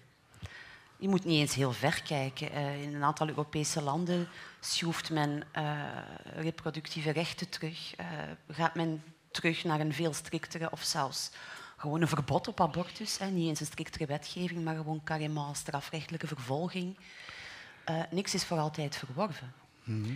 Dus uiteraard is er vooruitgang geboekt. En ik blijf wel... Uh, ik ben een activist omdat ik hoopvol ben. Anders word je geen activist. Als je niet hoopvol bent, voer je geen actie. Dan kan je net zo goed achterover gaan liggen. Maar we moeten wel heel waakzaam zijn. Um... Ja, maar je zegt er is vooruitgang geboekt. Je denkt dan wellicht voor een stuk aan onze samenleving, maar je zegt eigenlijk is dat hier ook een patriarchale samenleving. Als ik je goed begrepen heb. Ja, dat is ook zo. Ja. ja waarin, zit dan die, waarin zit dan die vooruitgang? Maar vooruitgang zit in veel dingen. Hè. Ik bedoel, je hebt gradaties van patriarchale samenlevingen Ja. natuurlijk. Ik denk Dat dat, we daar wel over eens zijn. Ja, ja, Ehm, ja absoluut. ja. Maar het is niet omdat wij plots mogen stemmen en studeren en er af en toe eens een vrouw als bij het overslag door een glazen plafond breekt, eh, dat wij plots een gelijke samenleving hebben. Dat is voor een groot stuk ook wel window dressing, denk ik. Heb jij daar een verklaring? Ik denk dat je voor een groot stuk gelijk hebt. Hè? Maar ik weet niet of dat het voor alle samenlevingen, ik ken die niet, maar heb jij daar een verklaring voor waarom het zo is? Het zit heel diep, hè? Ja, bij wie En zit... sowieso, elke structuur wordt zo ontworpen en gemaakt dat hij zichzelf in stand kan houden. Dus zolang mensen geen plaats maken, als je gaat kijken naar de top, hè, waar de belangrijke beslissingen vallen, ja, daar zitten mannen. Met hier en daar is een vrouw, per ongeluk. Maar om daar te geraken heeft die vrouw zich in de meeste gevallen moeten gedragen als one of the boys. Ja. En heeft ze dat moeten doen op de rug van vaak andere, veel minder geprivilegeerde vrouwen. Ja. Anissa, is dat iets dat, je, dat jij voor een stuk kan volgen of volledig kan volgen? Dat ja, de meeste samenlevingen of alle samenlevingen ja, patriarchaal zijn in de zin dat ze vrouwen op een of andere manier onderdrukken of, of niet dezelfde kansen of rechten geven al- als mannen of jongetjes. Ja, absoluut. Ehm Bieke maakt een punt als ze zegt dat bijna in elke samenleving een soort van patriarcha- patriarchaal systeem in plaats zit. Maar inderdaad, in verschillende niveaus en ehm, Gradaties. ja, in verschillende gradaties. Ehm, het patriarchaal systeem in bijvoorbeeld Iran kan je niet vergelijken met dat hier van in België. De struggles dat vrouwen hiermee te maken hebben, zijn niet dezelfde als hier. Ehm, Kan je daar dat verschil kort vatten of weergeven in, in een aantal zinnen? Eh, Ja, hier staan ze wel verder daarin. Ik denk dat dat vanzelfsprekend is dat eh, vrouwen op daar een iets, het iets moeilijker hebben dan vrouwen hier. Maar dat betekent niet dat, dat we absoluut niet te maken hebben met een patriarch- patriarchaal systeem hier. Het feit dat vrouwen eh, nog steeds niet evenveel betaald krijgen voor dezelfde job als die van een man, betekent dat wij eh, met een patriarchaal systeem hier zitten. Ja. Hoe, hoe ervaar jij dat, Michiel? Eh, als de enige man hier eh, in het panel. Nou ja, Eh, je bent toch ook. Ja, maar ik, ik heb geen mening. Hè. Ik, ik, ik zit hier maar als, ik zit hier maar als vroedvrouw, in zekere zin. Hè. Eh, ja. Ehm, ja, wat je natuurlijk vaak hoort is dat het patriarchaat een universeel gegeven is. Het klinkt ook een beetje door in deze verhalen. Er zit alleen een- nog een groot risico aan. En dat is vergelijkbaar met het risico wat je nu bij discussies rondom racisme ziet. Ehm, in Nederland en op een aantal andere plekken zie je ja, het is gewoon een biologisch gegeven dat mensen geneigd zijn om de mensen dicht om zich heen genuanceerd te bekijken en mensen van buiten hun eigen groep af te wijzen. Ja. Dus anders gezegd, vooroordelen zijn een biologisch bepaald iets, iets wat evolutionair nut Ja. heeft. Met andere woorden, conclusie die onmiddellijk getrokken wordt, racisme is wel oké. Ja. conclusie lijkt me totaal onaanvaardbaar. En ook hier is het risico, wanneer patriarchaat als een soort van biologisch gegeven aanneemt, of als een onveranderlijk eeuwig iets, dan maak je het jezelf ook weer moeilijker om te bestrijden, denk ik. En ik ja, ik, ben er bepaald geen ik, specialist ik ben vertrokken Dat is van. absoluut niet wat ik bedoel, hè? Ja. En dit, dat vermoed ik ook, maar het Ja. risico is wel. Maar voor de duidelijkheid. Nee, maar wat is, wat is dan de verklaring? Wat is dan de verklaring? Nou, Als, als, als het zo zou zijn dat het universeel is. Hè? Nou, wat mij fascineert is dat, oké, de- als gezegd, seksualiteit, gender enzovoort hebben altijd met kwesties van macht te maken. En waar macht is, is ook altijd verzet. Maar wat je nu ziet is dat er een beroep op natuur wordt gedaan. Vrouwen zijn van natuurlijke zo. Die, Poolse meneer die zichzelf in het Europese parlement heeft uitgelaten. Ik hoef hem niet te citeren. Ja. Ehm, wat mij als historisch geïnteresseerd iemand interesseert is dat opvattingen over wat natuurlijk is heel sterk veranderd zijn. Zoals gezegd, ehm, verlangen naar iemand van hetzelfde geslacht werd anderhalve eeuw in, geleden in de islamitische wereld volkomen natuurlijk gevonden. Het, Arabisch woord was fitra, dus de, de menselijke aard, de aangeboren natuur. Tegenwoordig zul je elke seculiere of gelovige moslim in het Midden-Oosten horen, nee, nee, nee, maar homoseksualiteit is onnatuurlijk. Ja. Dus dat idee van natuurlijk, onnatuurlijk kan heel snel veranderen. Ja. En ik denk dat een van de belangrijke factoren die hier en in de islamitische wereld speelt, het, het ontstaan van het moderne burgerlijke kerngezin. Dat is ook in de islamitische wereld veel sterker dan het 100, 200 jaar geleden was. En daar zit dus na de taak bij van, ja, de moeder heeft van nature de taak om het huishouden te doen, de kinderen op te voeden enzovoort. Dat hangt samen met dat kerngezin, zeg je. Ja, dat, dat is, en dat is wereldwijd een radicaal nieuw idee. Dus om dat als de natuurlijke orde van zaken te presenteren. En één manier om dat te bestrijden is te benadrukken hoe recent dat is en hoe willekeurig dat is ontstaan. Ja. Maar dat is maar één van de vele strategieën. Ja, je zegt dus de de verandering van seksuele moraal hangt volgens mij ook voor een stuk samen met de ophang van dat kerngezin. Ja. Ja, En tegelijkertijd ook met zoiets als de ontwikkeling van de moderne natiestaat. En dat, dat is wat, ja, ik zie u fronsen, ja, dat ligt minder voor de hand, maar eh, we zijn bijvoorbeeld geneigd te denken dat moslims een, geen schaamtecultuur hebben, maar een eercultuur. Maar het idee van eer, dat soort van publieke persoon die je hebt, en die ook heel duidelijk een genderdimensie heeft. Een man die heeft één soort eer, namelijk zijn mannelijkheid. De vrouw die heeft haar kuisheid of onbesprokenheid als eer. Dat heeft in de afgelopen twee eeuwen ook in de islamitische wereld een heel duidelijke nationale invulling gekregen. Opeens is het vaderland tot een object van liefde geworden en tot een object van eer. Dus je ziet dat in het moderne nationalisme het vaderland niet alleen een politieke entiteit is waar je loyaal aan bent. Nee, het vaderland is letterlijk iets waar je van moet houden. Patriotisme, vaderlandsliefde, in het Arabisch hub al-watan, in het Turks watan muhabbeti, dus liefde voor het vaderland. Het is een begrip wat in de 19e eeuw opeens opkomt. Een politieke loyaliteit wordt in seksuele termen gedefinieerd. En die gaat gepaard met totaal nieuwe rollen voor mannen en vrouwen. Wat moet een man doen voor het vaderland? Die moet in dienst gaan en bereid zijn voor het vaderland te sterven. Wat moet een vrouw voor het vaderland doen?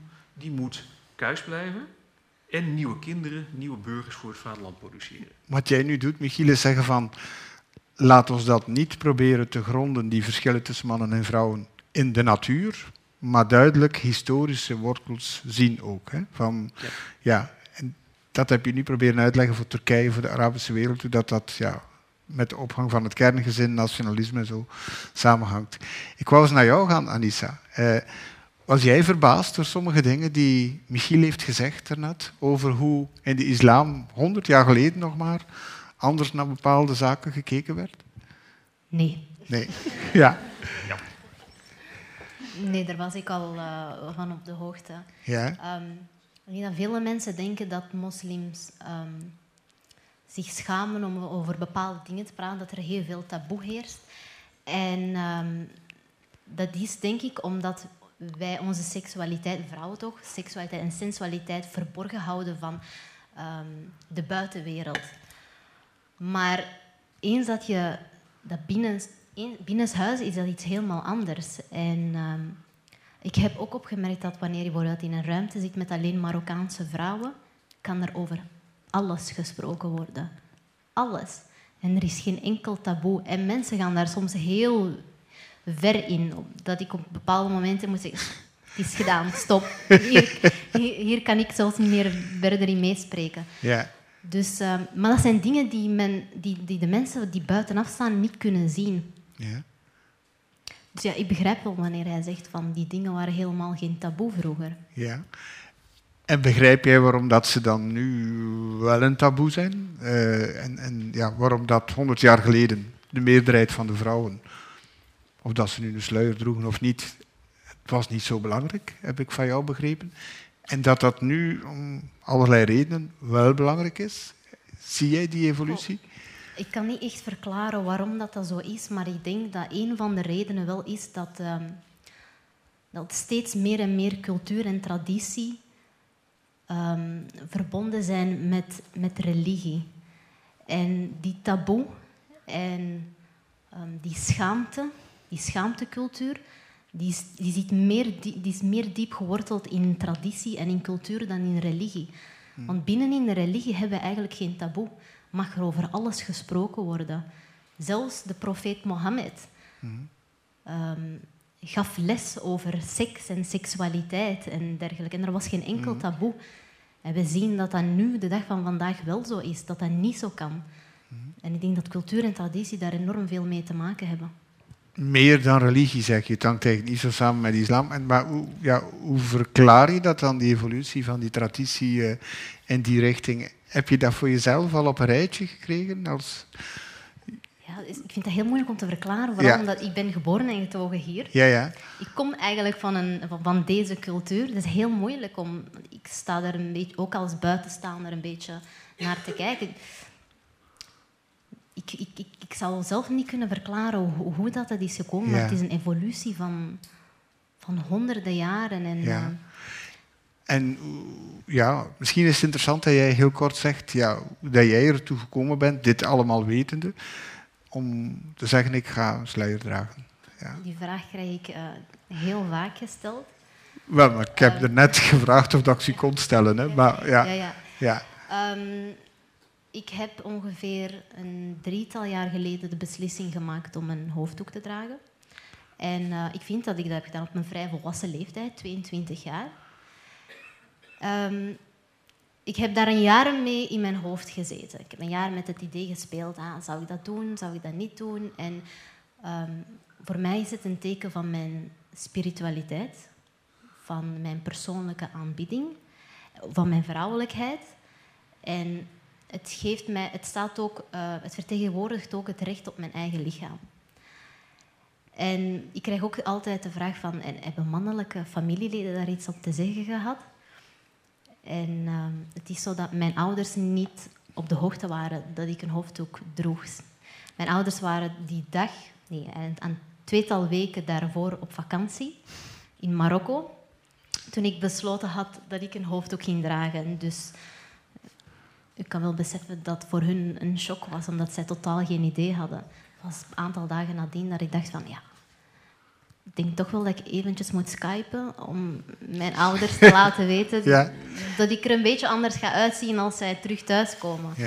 En hebben we die avond geskyped, want ik was helemaal alleen samen met mijn zus.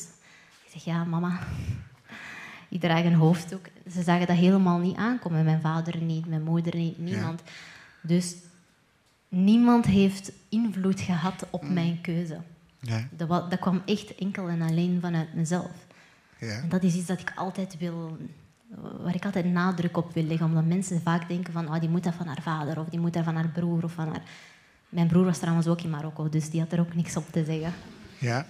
En he- heeft het iets te maken ook met...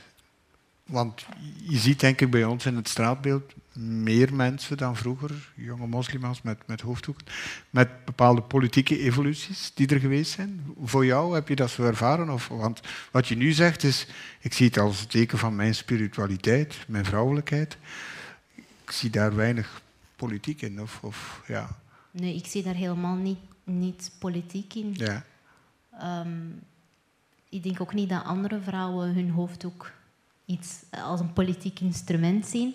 Maar ik denk dat u bedoelt dat men bepaalde politieke ideeën erop nahoudt de laatste tijd. Of, Nee, ik- bedoelde eerder van als, als je het gevoel hebt dat je als moslim niet volledig erkend wordt in de samenleving, dat je dan meer de neiging hebt juist om, om je nog meer ja, te bevestigen. Dit is mijn identiteit. ja, absoluut. Ik denk wel dat dat vaker en vaker gebeurt nu. Ja, Ehm,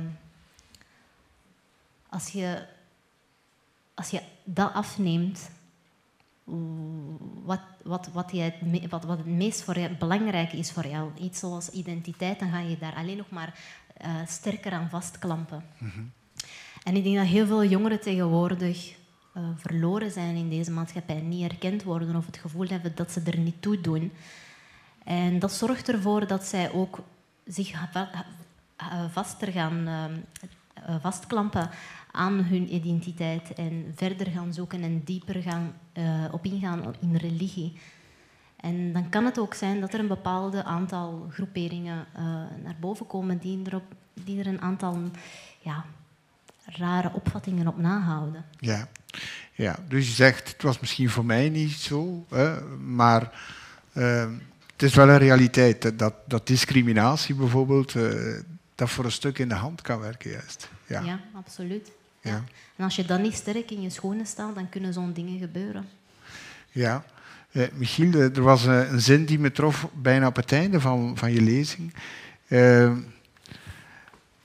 Het zou interessant zijn om te weten waarom de zorg over de kledij en het uiterlijk van vrouwen nu zoveel groter is geworden dan, dan, dan vroeger. Eh is een interessante vraag, maar heb je er ook een antwoord op? Ik heb er diverse antwoorden op. Ja, Eh, het is natuurlijk een complex verschijnsel, maar eh, als ik een heel simpel antwoord geef, kan ik een vier, wet- vier letterwoord nemen. Marx.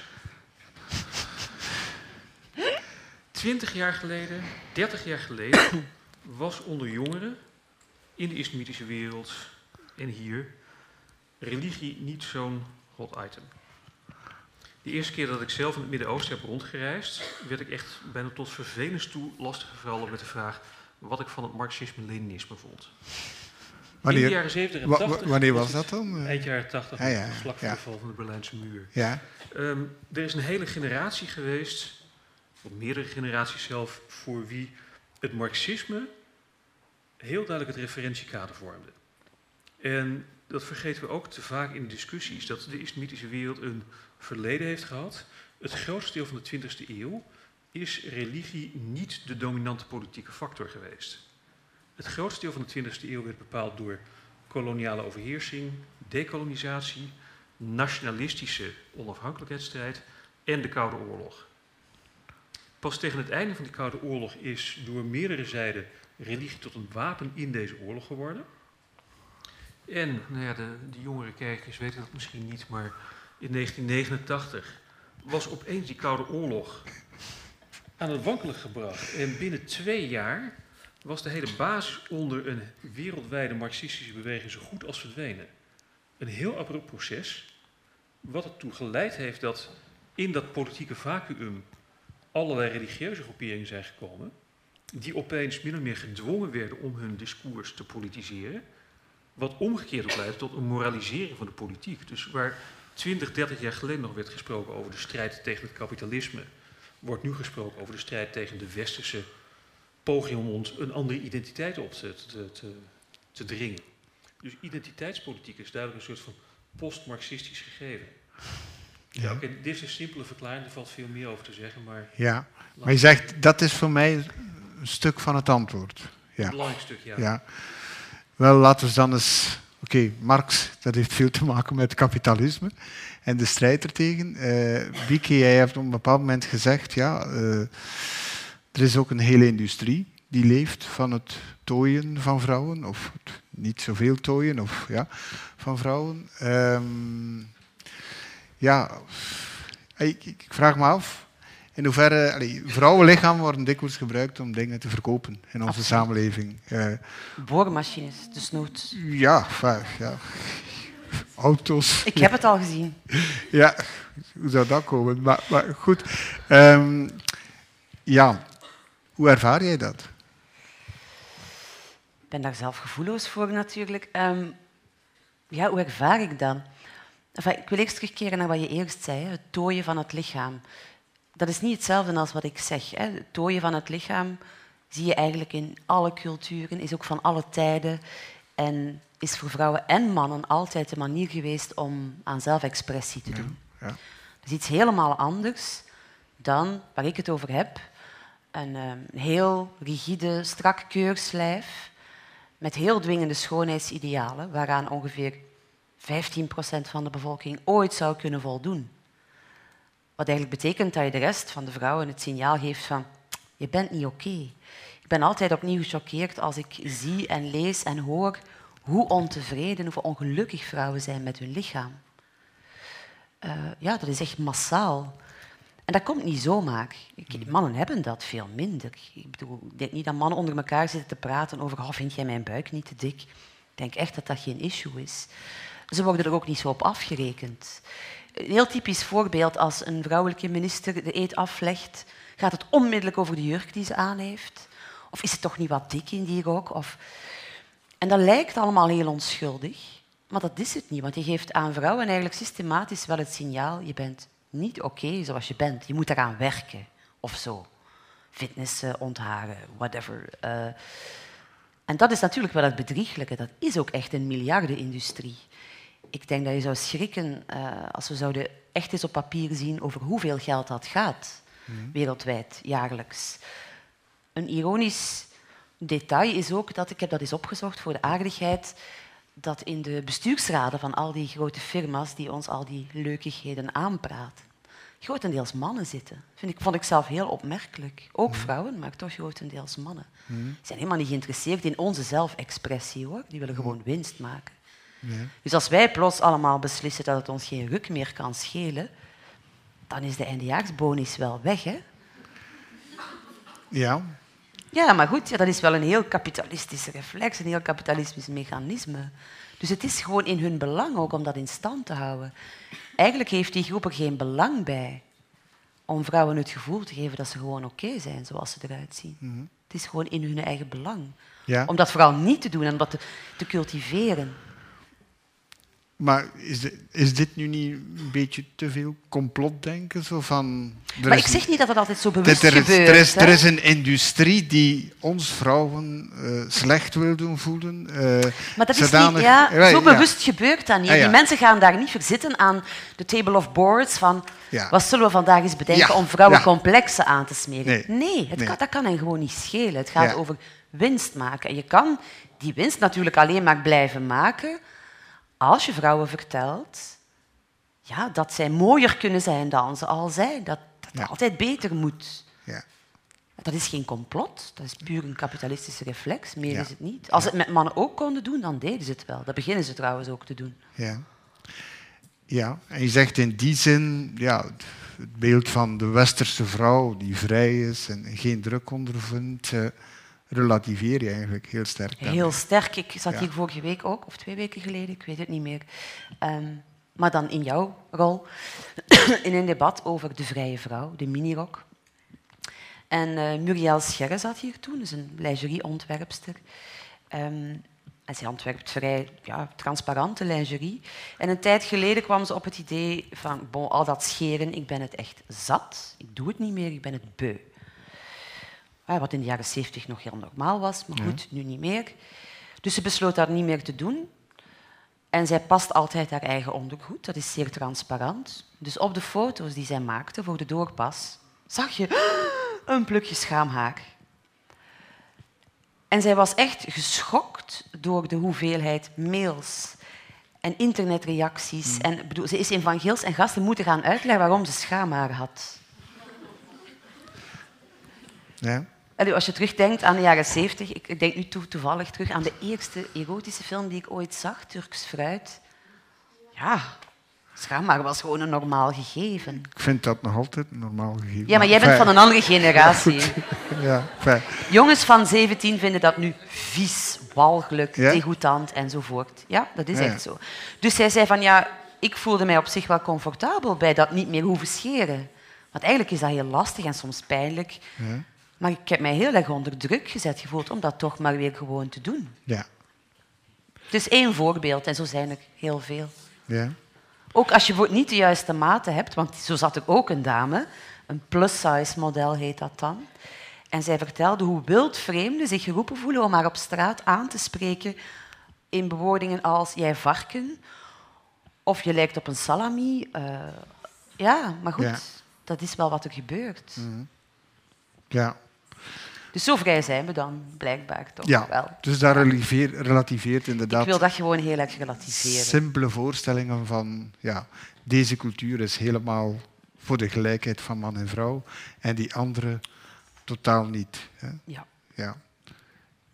Trek ik daarmee juist de conclusie, Michiel? Ja, ja en ik, ik denk inderdaad dat het absoluut klopt. Dat, het, het voorbeeld dat ik zelf over zo iemand als Patricia Pai gaf. Hm. Vrouwen worden onmiddellijk de maat genomen vanwege hun gedrag, vanwege hun uiterlijk, vanwege hun seksualiteit. En dat Leeftijd. Ook absoluut, ja. Dus dat speelt nog wel degelijk in. Het is net nog steeds heel asymmetrisch iets. Je merkt net dat langzaam mannen ook, of jonge mannen, langzaam meer bewust met een schoonheidsideaal worden geconfronteerd. Maar vergeleken bij het bombardement wat er al decennia lang ten aanzien van vrouwen wordt uh, gepleegd, is dat nog in de kinderschoenen. Hmm. Interessant genoeg zie je een dergelijke consumptiecultuur ook langzamerhand in het Midden-Oosten ontstaan. de, de komende laatste tijd, of nou ja, de, de jaren vlak voor de, de oorlog in Syrië, zag je opeens van die van... Jongens, kijk eens wat we interessants hebben ontdekt. Uh, een lingeriewinkel in Damascus. Er werd gedaan alsof dat totaal onbestaanbaar of raar of ongewoon was. Maar Hm. natuurlijk, ja, burgerlijke huwelijken heb je ook in het Midden-Oosten. En je hebt inderdaad ook een, een soort van middenklasse die daar de afgelopen decennia is ontstaan. Met de bijbehorende smaak en de bijbehorende behoeften. Ja. Dus ja, dat, het is misschien eerder verbazend dat dit zo verbazend werd gevonden. Ja. Maar ik denk dat er ook daar in het Midden-Oosten de afgelopen decennia een hele duidelijke verandering heeft plaatsgevonden. Dat daar ook een soort van consumptiecultuur is ontwikkeld. En ja, in de extreme vormen, ik weet niet wie van die ooit in de, de golfstaten is geweest. Maar eh, plekken als Dubai of Qatar, dat zijn gewoon, dat is één grote shoppingmall. Maar ook een land als Turkije en in wat mindere mate Marokko misschien. Maar ook het idee van de, de shoppingmall waar je met het hele gezin daarheen gaat om te winkelen. Ja. Dat is ook daar veel normaler geworden dan het 10, 20 jaar geleden was. ja. Anissa, is dat voor jou een sluierdragende manier om je te onttrekken aan die druk, aan, aan, van het schoonheidsideaal of, of de beoordelende blik? Of ik, ik weet het niet. Als je zei, mijn vrouwelijkheid, mijn spiritualiteit, gaat het ook in die richting? Of, of? Ik heb nooit zo, zo ver getrokken. Ik heb daar nooit zo, zo hard bij stilgestaan. Ja, In de eerste plaats was het voor mij enkel en alleen een, een, een, ja, een pure aanbidding ehm, voor mijn God. Mhm. En, en een teken van mijn spiritualiteit. Mhm. En ehm, wat, wat, wat er net allemaal gezegd werd, dat, die, dat, dat komt er ook bij kijken, inderdaad. Maar dat was niet de, de reden waarom ik een hoofddoek ben beginnen dragen. Ja. En ehm, wat ik ook altijd wil zeggen is dat de hoofddoek zelf aan zich is niet iets bevrijdend of onderdrukkend. Nog is een bikini of een, of, of, of een, of een minirok dat. Ehm, de vrijheid zit in de keuze. En dat is wat een vrouw ehm empowert, laten we zeggen. En dat is ook waarom dat de hoofddoek voor mij een, een, een, een empowering is. oké. Misschien een goed moment om af te ronden en aan jullie de kans te geven om vragen of opmerkingen te maken. Ja. Oké. Wacht, wacht, wacht. Momentje, momentje. Hoe zou het komen dat hier zo weinig mannen in de zaal zitten? Ehm, ik heb er nog, ja, inderdaad. Eh, Misschien zijn ze bang. Ehm, ik, heb, eh, ik denk dat ik twee reflecties heb over eh, wat er vanavond gezegd is geweest. Eén, eh, zowel de westerse wereld als de islamitische wereld is gebouwd eigenlijk op, eh, basis, ja, Westen, op basis van het, Christian, eh, het, het christianisme, eigenlijk, het christendom. En in de islamitische wereld natuurlijk, eh, of het Midden-Oosten en zo, islamitische. Maar als je nu gaat kijken naar de essentie, die godsdiensten, dat, dat is heel mannelijk. Ik bedoel, God is mannelijk. Jezus. En ik bedoel, de, de, de, de plaats van de vrouw in de, in de kerk. of in, dat, is allemaal, dat is allemaal nog zeer, ja, dat is zeer eh, discriminerend. ja. En, eh, tweede is, en, en daarop is heel onze maatschappij gebouwd, zowel in het Westen als in de andere delen van de wereld, eh, denk ik. Dus om dan die discriminatie weg te, weg te werken, mo- moeten we denk ik veel fundamenteler gaan discussiëren, gaan over, over, eh, overzien en dergelijke meer. En niet alleen van 100 jaar geleden of 200 jaar geleden. En tweede iets is... Om, omdat je zegt dat zit in die religies en Ja, die zijn maar, eh, veel ouder. Ja, maar wat ik wil ja. zeggen is dat, dat het, het zit bijna in een systeem en, en, en we moeten daar blijven tegen vechten. Ehm, en ehm, anders doe je bij wijze van spreken aan symptomatische eh, aanpak. Ehm, Ja. En twee, ik denk dat er meer en meer eh, problemen heeft, eh, of, of dat er meer en meer negativiteit is tegenover de vrouwen beginnen op te staan, beginnen zeer eh, bewust te worden van hun eh, krachten, van hun eh, waardigheid en eisen het eigenlijk op. En dan is het heel moeilijk voor, tussen aanhalingstekens, de machthebber, de man als ik eventjes kort door de bocht ga, hij vindt het heel moeilijk om, om positie af te staan. En dus, wat gaat men doen? Men gaat dan die vrouw uh, bestrijden. Bijvoorbeeld, hele discussie rond het hoofddoekendebat in, uh, in, uh, in Europa of in, in België. Eigenlijk gaat het erover, wil men zeggen, die mannen, hè, die moslimmannen, die onderdrukken hun vrouw. Maar dat, dat ze dan discussie aangaan met die mannen. Waarom moeten ze het nu via die vrouwen gaan doen? Ik bedoel, hmm. Eh, ik bedoel, dus men praat over het onderwerp heen zonder echt naar de essentie te gaan van het verhaal. Ja, dank u. Gint er nog een hand? Uh. Ja. Uh, ja, het was eigenlijk een vraag. Uh, het, gaat over een documentaire die ondertussen al enkele jaren oud is. Uh, Femme de la Rue, gemaakt over leven in Brussel. En of als jullie de documentaire gezien hebben, had ik graag jullie mening daarover gehoord. Dankjewel. Oké. Okay. Drietal vragen. Enfin, weet de eerste is misschien moeilijk te beantwoorden. Hoe komt het dat er hier zo weinig mannen zijn? Als je daar iets over te zeggen hebt, mag je dat doen. Breng uh, de volgende keer allemaal eentje mee. Ja. Uh, de andere vraag. Uh, peilde naar ja, de rol van religie en, en rollenpatronen en verhoudingen tussen mannen en vrouwen. Met ja, de opmerking van de kerk weet ik het zeker, hè, dat de mannen ja, daar een dominante positie hebben. Vrouwen kunnen heel wat posities niet bekleden. Ik weet niet of dat in de islam zo is. Een vriendin zegt me dat je wel vrouwelijke imams hebt, maar je mag mij corrigeren. Uh, het is mogelijk, maar um, zij mag wel enkel en alleen het gebed leiden voor vrouwen dan. Ah ja. ja.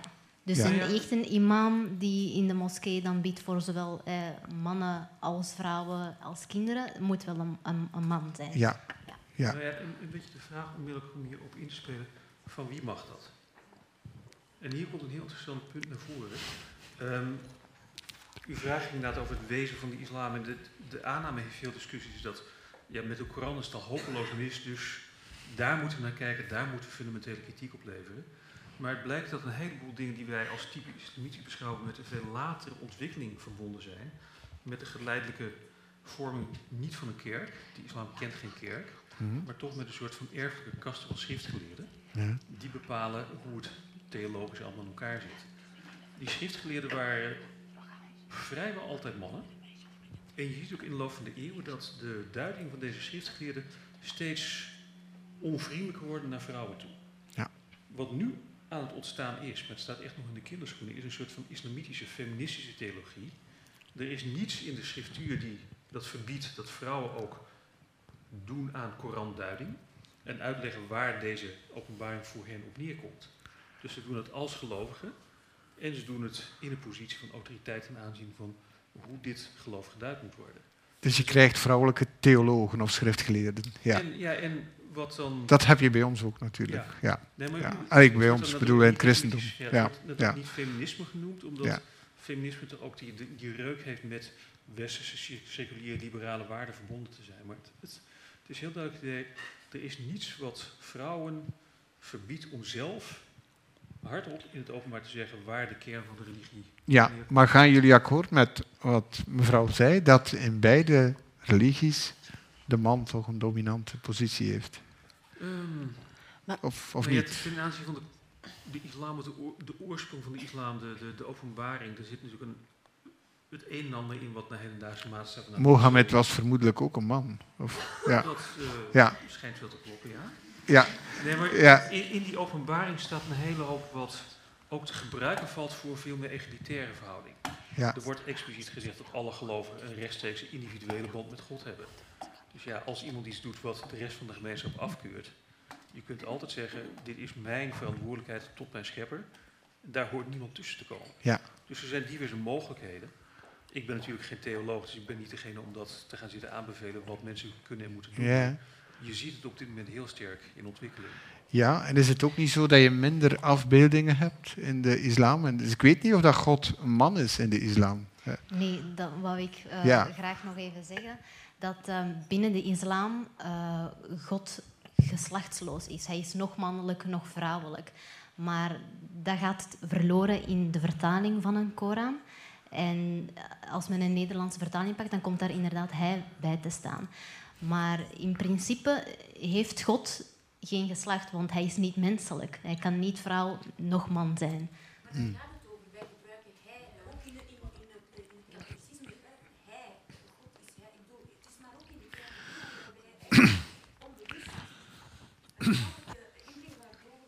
Maar ik denk dat Anissa zegt dat in het Arabisch dat er niet hij gebruikt wordt. Of begrijp ik je verkeerd? Omdat hij... Ja, Er gaat zoveel kwijt bij de vertaling naar het Nederlands, omdat de Arabische taal zo rijk is en dat er gewoon geen woorden bestaan in het Nederlands. In het even welke andere taal. Dus wat ik altijd zeg is dat een Nederlandse Koran is niet echt een Koran. Dat is meer voor mij een, een, een poging tot het vertalen van de essentie. Maar er gaat zoveel in kwijt daardoor. ja. Maar ik wou gewoon peilen of dat de veronderstelling van mevrouw klopt. Dat beide religies eh, heel erg mannelijk zijn. En ik probeer nu ja, af te tasten. Ja, klopt dat wel evenzeer van de islam, die ik iets minder goed ken? Maar ja, en jij zegt nu inderdaad wel, ja, Allah is in principe geslachtsloos. Ja. ja. Eh, Maar zelfs, zelfs al is dat zo, ja. ook religie is geen statisch gegeven. Het is een dynamisch gegeven dat kan veranderd worden. In die zin vind ik het heel interessant als je Fatima Mernissi leest. Ehm, ja, dat was wat zij deed. Hè. Eh, het feminisme verzoenen, ook mensenrechten, universele rechten verzoenen met die religie en aantonen dat dat perfect mogelijk is. Natuurlijk moet iemand het wel willen. Maar ik zie dat niet als onmogelijk. Ehm, natuurlijk is het zo dat zolang de mannen de lakens uitdelen, ik denk dat je daar wel gelijk in hebt. Ja, zolang die geen plaats willen maken, wordt het moeilijk. Ja, ik denk je tweede vraag dat die eigenlijk al aan bod gekomen was bij de sprekers. Hè. Ehm, maar de vraag in verband met de film of de documentaire Femme de la Rue. Ik weet niet of dat iedereen die kent. Eh, ja, ja, als Nederlander is het inderdaad begrijpelijk. Ik denk dat het een, eh, een vrouwelijke journaliste was die ehm, met een camera in Brussel heeft rondgelopen. En die gewoon registreert hoe ze bejegend wordt. Eh, en daar zit nogal wat agressie, seksuele agressie in. Verbaal, eh, vooral. Ja, uitsluitend, denk ik, verbaal. En Ja. wat was de vraag precies? Hoe- Wat we daarvan vonden, of wat jullie daarvan vonden. Ja. Ja.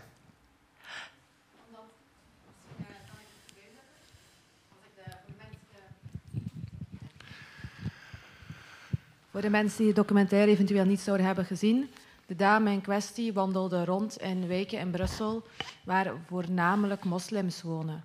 En dan bleek dat als zij passeerde, dat ze veelal lastiggevallen werd. En als ze rondliep met korte rokken of t-shirts, dat er vaak werd gezegd van ja, wil je mee naar mijn huis komen, wil je met me slapen, kom met me mee schatje, zulke zaken.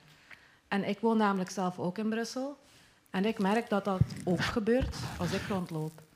En dat gebeurt helaas, jammer genoeg, vaak als ik in moslimwijken rondloop. En ik ben het helemaal eens met het feit wat Anissa zei, dat in theorie zou, iedereen moeten, zou je moeten kunnen dragen wat je wil.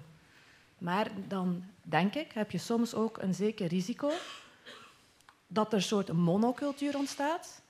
En als ik rondloop in andere kleren, dat ik dan word uitgescholden. En dat is wat die documentaire ook laat zien. En daarom, als je gezien hebt, wil ik graag je mening daarover. Bedankt. Om te beginnen denk ik dat het niks te maken heeft met wat je draagt. Eh, want als ik daar in mijn twintig jaar geleden in een jeans op sneakers rondliep, gebeurde dat ook. Dus het staat daar denk ik los van. Of je nu een korte rok aan hebt of niet, maakt volgens mij niet zoveel verschil. Ehm, ja, dat Zou is het- problematisch. Maar ja. Zou het ook gebeuren als je een sluier draagt? Ja, daar wou ik graag even op Ja. ingaan. Ik heb eh, de documentaire gezien, lang geleden. En ehm, dat, dat valt niet goed te praten wat er gebeurt. Maar één opmerking had ik wel nadien. En het was dat het lijkt alsof moslims, eh, of toch de jongens die daar rondliepen, iets hadden tegen de westerse vrouw die niet gesluierd rondliep. Maar ik kan nu al zeggen dat dat niet het geval is. Want ik draag een hoofddoek. En ik heb ook te maken met eh, wat u net zei, sexual harassment of seksuele intimidatie. Dat biedt daar geen bescherming tegen. Absoluut niet, geloof mij. Ja. Sterker nog, dat is misschien heel raar, maar sinds ik een hoofddoek draag, is dat nog erger geworden. Ja. Dus kledij heeft er absoluut niets mee te maken. En ik zie ook in de... eh, ik heb al verschillende landen gezien in het Midden-Oosten dat vrouwen volledig bedekt rondlopen. Inclusief gezicht. En dat mannen nog steeds staren. En dan denk je, wat valt er zelfs te zien? dat is enkel en alleen de inbeelding dat men, dat men dan kan gebruiken. En dat is de enige minpuntje dat ik vond aan de hele reportage, dat ze maar één beeld lieten zien. En dat het zo leek alsof inderdaad hè, de moslims iets hebben tegen de westerse vrouw en het is allemaal een complot en iedereen is tegen elkaar. Terwijl dat, dat wel niet zo is. Ze hadden ook de andere kant moeten laten zien. Ook nog een kanttekening die ik erbij had, ehm, omdat dat is heel openlijk seksisme, omdat dat in de publieke ruimte gebeurt. Dus heel zichtbaar. Hè? Ehm, en dat is wat ik straks ook wel een stuk zei. Heel veel ander seksisme door autochtone bevolking gebeurt, hou je vast, blijkt uit onderzoek, op het werk, thuis. Het meeste huiselijk en seksueel geweld gebeurt door eh, mensen die wij kennen, eh, vaak door partners. Dus een, het is, de context is anders, de verpakking is anders. Dus wij doen het, onze mannen doen het gewoon niet zo op straat en niet zo openlijk.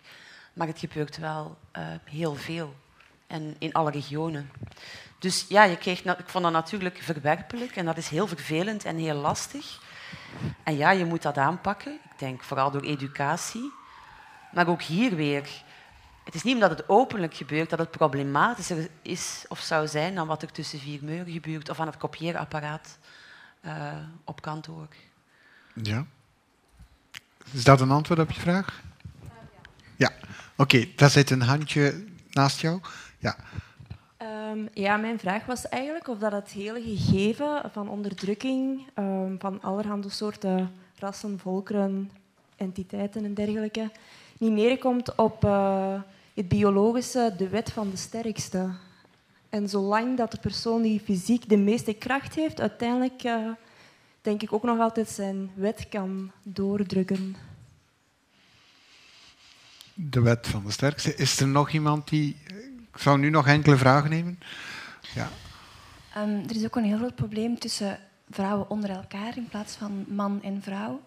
Ehm, er wordt onder elkaar ook commentaar gegeven. Bijvoorbeeld, eh, ja, ze heeft een snor, ehm, ze heeft haar schaamhaar niet gedaan, ze heeft nog haar onder haar oksels enzovoort. En ik zit nu in mijn vijfde middelbaar en als puber valt het eigenlijk gewoon op dat de leeftijd steeds lager en lager wordt. Ehm, mijn zus die gaat zwemmen met haar ja, medeleerlingen. Ze zijn met 17 en er gaan er maar zes mee. Omdat ze zich gewoon niet goed voelen in hun vel. En die zijn 13 jaar. Dat is gewoon niet oké. En ja, op die leeftijd heeft de ene al borstjes, de andere heeft er nog geen. En ja, ze schamen zich gewoon eigenlijk om hetgene wat ze niet hebben en om hetgene wat ze wel hebben. En ik weet niet, is er een oplossing? Ik weet het gewoon niet, maar het baart mij echt heel veel zorgen. Zeker als gewoon iemand die eigenlijk nog niet volwassen is. Want vrouw klinkt eigenlijk als boven de 20 jaar. Maar eigenlijk zijn wij ook vrouwen. En ja, ik word er zelf heel ongelukkig van. Dat is mijn probleem. Er is nog ruimte voor, voor één tussenkomst. Ja. Achterin. Mevrouw achterin. Ik heb een heel erg klein vraagje. Ah, ik ben een beetje zenuwachtig nu. Het is altijd als ik een vraag moet stellen. Maar het is ook zo dat... ehm, ja, ik zat op het kunstmaniora en ik ben eigenlijk in een andere omgeving gekomen. En elke keer als ik ging werken of ergens ging solliciteren of ik zat bij vrienden, en dat waren meestal Belgische vrienden, of dat nu eigenlijk van een andere afkomst was of niet, ik kreeg altijd in mijn mond gelegd dat ik moderner was. En ja, Mo- moderner Van- dan wie? moderner. Ik was moderner. Dan, En dan wie? dan, ja, dan zij, dan precies. Allee, het, het werd me precies niet geloofd als ik zei dat ik gelovig was. Omdat ik me precies anders gedroeg, omdat ik andere woorden gebruik, omdat ik een andere mening heb, omdat ik een andere visie heb. En ik wou eigenlijk vragen van ja, hoe kan ik mezelf kort en bondig verduidelijken dat ik ja, dat godsdienst niet te maken heeft met moderniteit. Oké. Ehm, de eerste vraag was die rond het recht van de sterkste. Zijn vormen van onderdrukking gewoon die ja, vertaling van verschillen in, in, in fysieke macht zelfs, zo had ik het begrepen? Ehm, ja. Ik denk, John, als sommige Russische kogelstootsters ehm, jou onder handen nemen, dat je gewoon meteen op de grond ligt. Dat is een feit. En ik ken heel, heel ile, vrije mannen en ik ken hele sterke vrouwen. Dus, goh. Ja, bedoel, we, allee, we sleuren ook geen rauwe mammoet meer naar de grot om die dan te eten. De, de Ehm, mammoet is uitgestorven, helaas. Helaas. ja. Ja. Dus ik geloof daar zelf niet zo in, maar ik heb dat met alle biologische argumenten, omdat ja, dit, bedoel, dat is civilisatie, is dat je jezelf onttrekt aan wetten van de natuur en dat je, daar, dat je die ontgroeit. Ehm, anders zouden we heel veel dingen doen die niet meer mogen en ook niet meer wenselijk zijn, denk ik. Dus ik geloof daar zelf niet zo in, maar het kan zijn dat jullie van mening verschillen. En Misschien is de natuur die zich dan soms tegen die beschaving verzet. Is het dat wat je wou zeggen? Ja.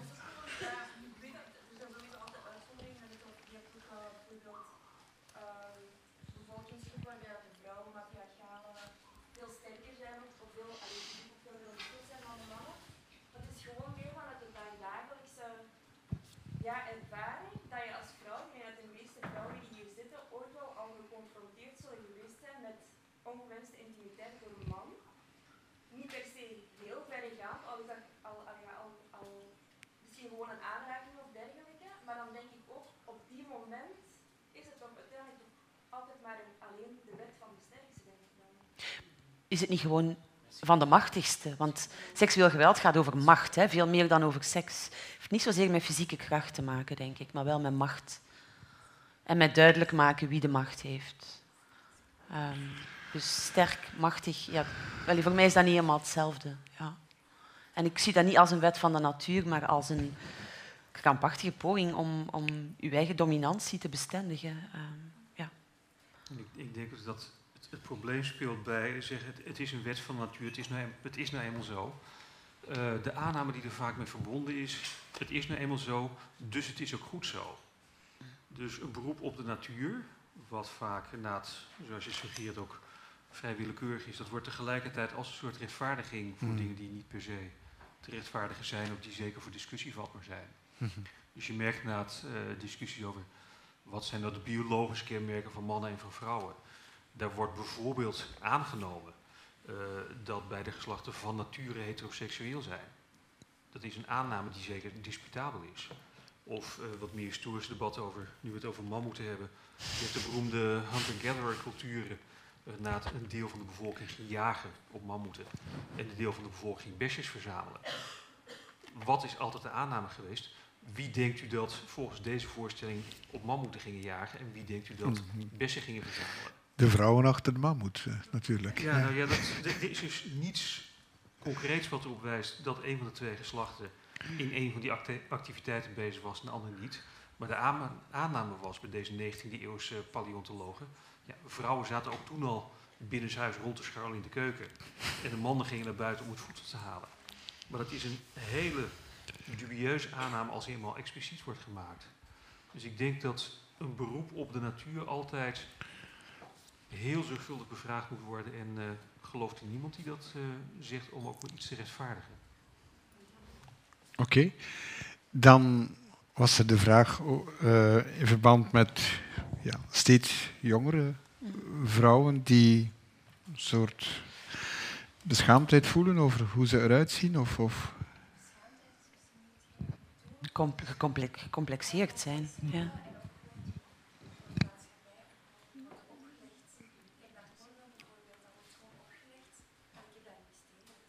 Ja.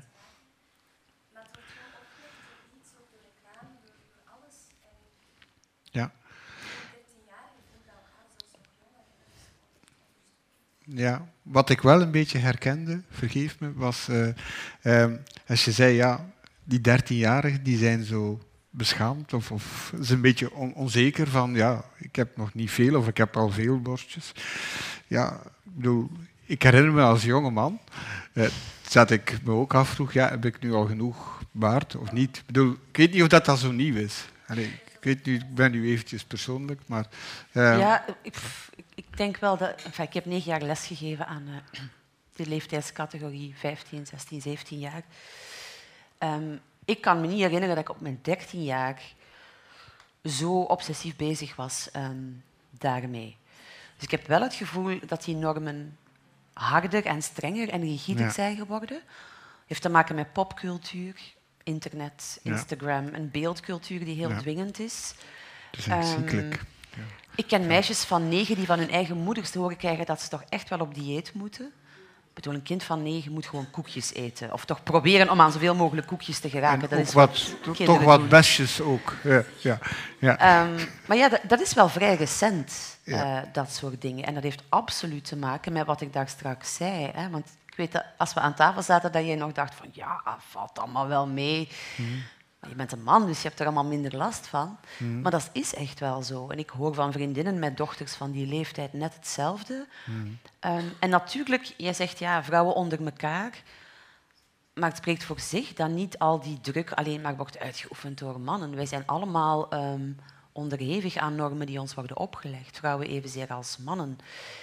En je moet eerst kritisch naar iets kunnen kijken en het in vraag stellen. En dat vraagt al een zekere maturiteit en toch veel kritische zin, voor je doorhebt van, ja maar wacht. En zeker meisjes van 13, 14, 15 jaar hebben dat gewoon niet. Die gaan gewoon mee in de groepsdruk. Die zien in videoclips of eender waar hoe ze er denken te moeten uitzien. En daar proberen ze zich allemaal aan te normeren. En dat heeft soms heel verregaande gevolgen. Ja. Hoe je dat moet oplossen, is eigenlijk mijn antwoord op bijna alles. Ik heb het vanavond nog niet gezegd. Meestal antwoord ik op elke vraag. Educatie, educatie, educatie, educatie. Nee.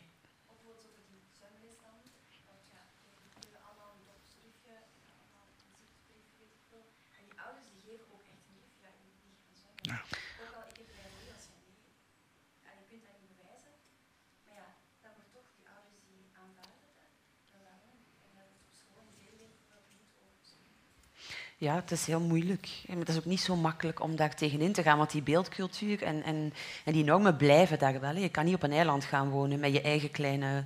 Je kan je niet afsluiten eh, van de buitenwereld. Dat is moeilijk. Ja. Dan, want ik krijg signalen dat we mogen afronden.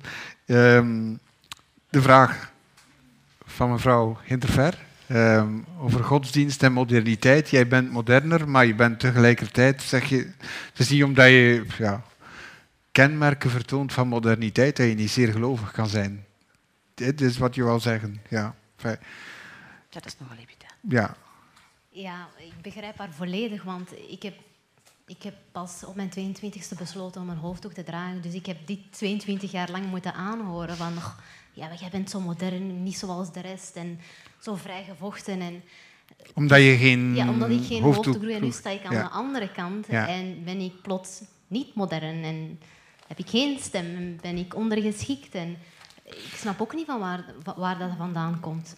Ik zou het niet kunnen verklaren. Ik vind het spijtig, want het enige dat aan mij veranderd is, is dat ik een hoofddoek draag en iets langere kleding draag. Ja. Mijn principes zijn niet veranderd, mijn meningen zijn niet veranderd, mijn karakter of mijn persoonlijkheid is niet veranderd. Dus heel raar hoe dat een, gewoon het uiterlijk van een vrouw gebonden wordt aan haar vooruitgang. Maar is het ook niet zo dat wij gewoon over het algemeen een nogal een heel specifiek beeld krijgen van godsdienst, en in het bijzonder de islam. hè? Er wordt ons ook in alle media dagelijks toegeschreeuwd hoe conservatief die godsdienst wel is. En die andere zijde van die religie krijgen wij zelden of nooit te zien of te horen. Zeker niet in massamedia.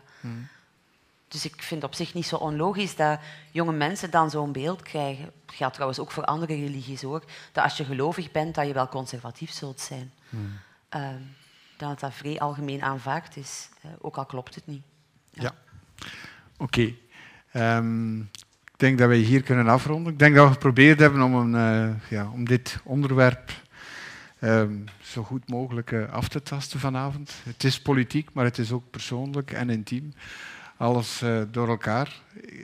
Ik zou graag een applaus vragen voor onze panelleden. Ja.